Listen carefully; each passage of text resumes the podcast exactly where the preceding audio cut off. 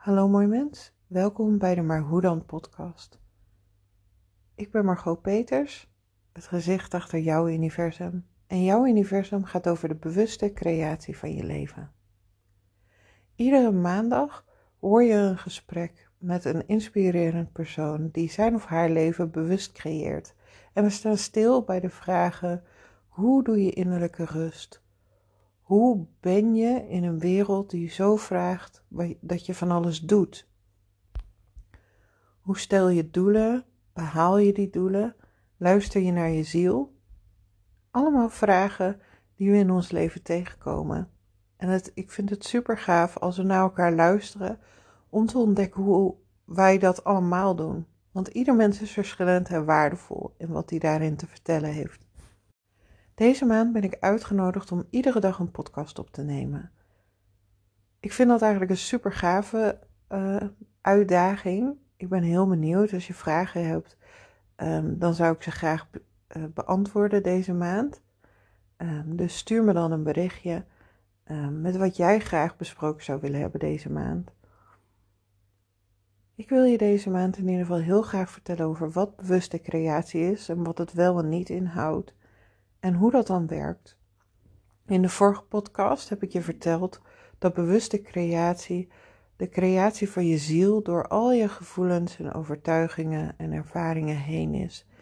Dat jij als het ware door het licht van je ziel uh, projecteert op de wereld wat je ziet. En dat je dus kan kiezen dat je iets anders projecteert, waardoor jouw realiteit iets anders wordt. Ik heb je verteld dat mijn eerste ervaring een niet zo fijne relatie was, waarin ik begreep wat ik geloofde over mezelf en koos om dat te veranderen en dat de hele wereld daarop veranderde. Vandaag wil ik stilstaan bij de vraag van schuld. Want wat ik heel vaak zie is dat als mensen uh, bewust worden van dat zij hun leven creëren en uh, dat ze daar eigenlijk heel graag mee willen gaan spelen, dat ze eerst belanden in schuld. Want als jouw overtuigingen en jouw ervaringen, um, uh, of jouw vorige ervaringen, zeg maar, zorgen dat jij creëert wat je nu ziet in je leven, ja, dan kun je denken dat het ook jouw schuld is dat je nu ziet wat je ziet. Dus als je niet zo trots bent op jezelf, over wat je hebt gecreëerd. Bijvoorbeeld, je hebt schulden gecreëerd, um, een relatie waarin je niet echt trots bent op jezelf. Misschien tussen haakjes fouten die je hebt gemaakt in je leven. Dan zou je wel eens kunnen denken: Oh, ik doe het helemaal fout. En het is mijn schuld dat dit nu in mijn leven komt. En daar wil ik heel graag bij stilstaan, want bewuste creatie gaat niet over goed of fout. Bewuste creatie gaat over een ziel die gekozen heeft om te leren en te groeien die heeft gekozen om steeds meer te groeien in bewustzijn van wie die ziel is en wat hij hier te doen heeft. De situaties die we op ons pad krijgen, ja, die creëren we wel door onze ervaringen, maar onze ervaringen, die worden gecreëerd door vele omstandigheden, door wat we hebben geleerd in onze families, door wat we hebben ervaren in ons leven, door geloven die in onze familiesystemen eindeloos zijn doorgegeven. Door wat we leren te geloven in onze huidige maatschappij, in onze tijdsgeest, zeg maar. Onze opa's en oma's geloofden andere dingen en creëerden andere levens dan dat wij op dit moment doen. Dus het is nooit zo rechtlijnig als ik koos dit en ik heb het fout gedaan en nu is het mijn schuld dat ik dit heb gecreëerd dus nu ben ik fout. Volgens mij gaat het veel meer over: oké, dit is wat er ontstaan is in mijn leven. Ik geloofde iets, dat creëerde deze situatie. En ik vind deze situatie niet fijn. Ik accepteer dat ik de verantwoordelijkheid heb. En dat betekent dus niet dat ik uh, goed of fout ben. Het betekent dat jij degene bent met een zaakjes macht om het te veranderen. Als je in een situatie zit dat je, die niet fijn is, heb jij de macht om, te, om uit die situatie te stappen. Om iets anders te kiezen. Als je iets gelooft wat je niet fijn vindt, bijvoorbeeld dat je niet goed genoeg bent of um, dat je eh, altijd arm zal zijn of dat je niet liefdevol genoeg bent, dan kan jij kiezen om dat te veranderen. En dat stukje is onze verantwoordelijkheid. Onze verantwoordelijkheid is dat we beseffen hoeveel macht we hebben in dit leven. Hoewel we ons heel vaak machteloos voelen. En we leven natuurlijk op dit moment in een tijd dat er veel gebeurt waarin we ons machteloos voelen. Ik denk dat het daarom des te belangrijker is dat we beseffen welke macht we zelf hebben, welke keuzes we zelf kunnen maken, wat we kiezen om te creëren in onze relaties, in onze relatie met onszelf, in onze relatie met het leven. En dat vraagt, die verantwoordelijkheid vraagt volgens mij dat je bewust bent. Dat je bewust bent van wat je voelt, van wat je ervaart, van wat je kiest, wat je uitspreekt. En niet in een soort rigide vorm dat je nu moet gaan letten op alles wat je doet, omdat je daar controle over moet uitoefenen. Nee, het gaat veel meer over bewustzijn en, en, en voelen en ervaren en beseffen dat je een keuze hebt. En dat je ieder moment opnieuw kan kiezen.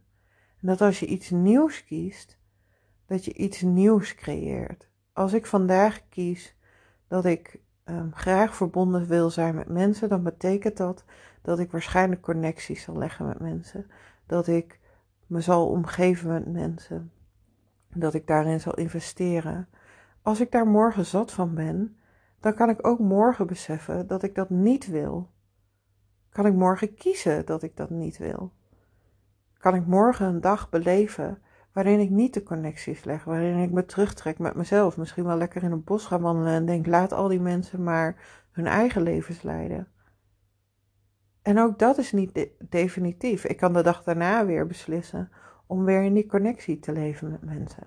Zover gaat onze macht in ons eigen leven. En de flexibiliteit. Nou ken ik natuurlijk ook dat ik dingen creëer waar ik helemaal niet trots op ben.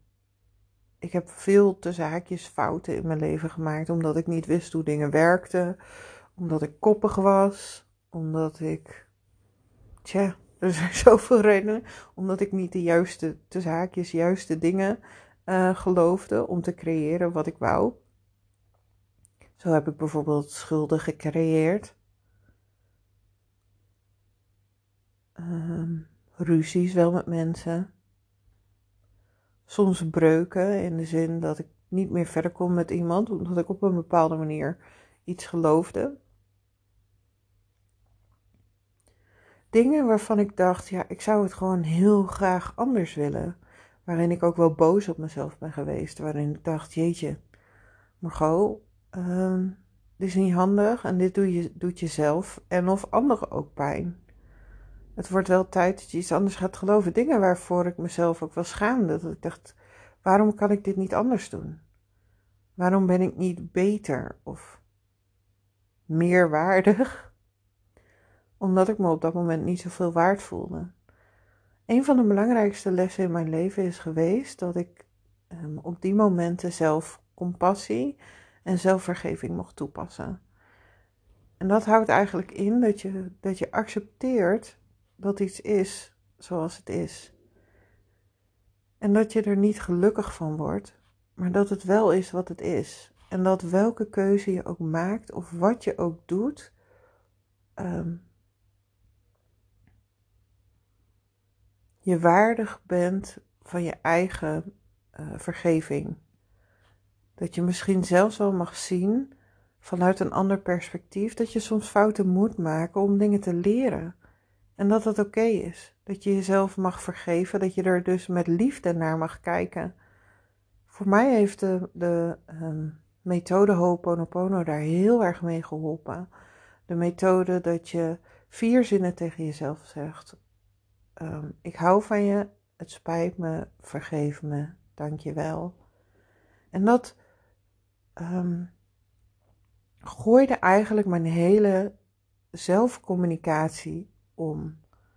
Ik was altijd kritisch tegen mezelf aan het spreken, maar op het moment dat ik die methode leerde leerde ik dat ik met liefde tegen mezelf mag spreken. Dat ik mag vinden dat ik het fout doe. Dat ik mag erkennen dat ik het fout doe. Dat ik mag zeggen tegen mezelf: Het spijt me dat ik dit moet ervaren.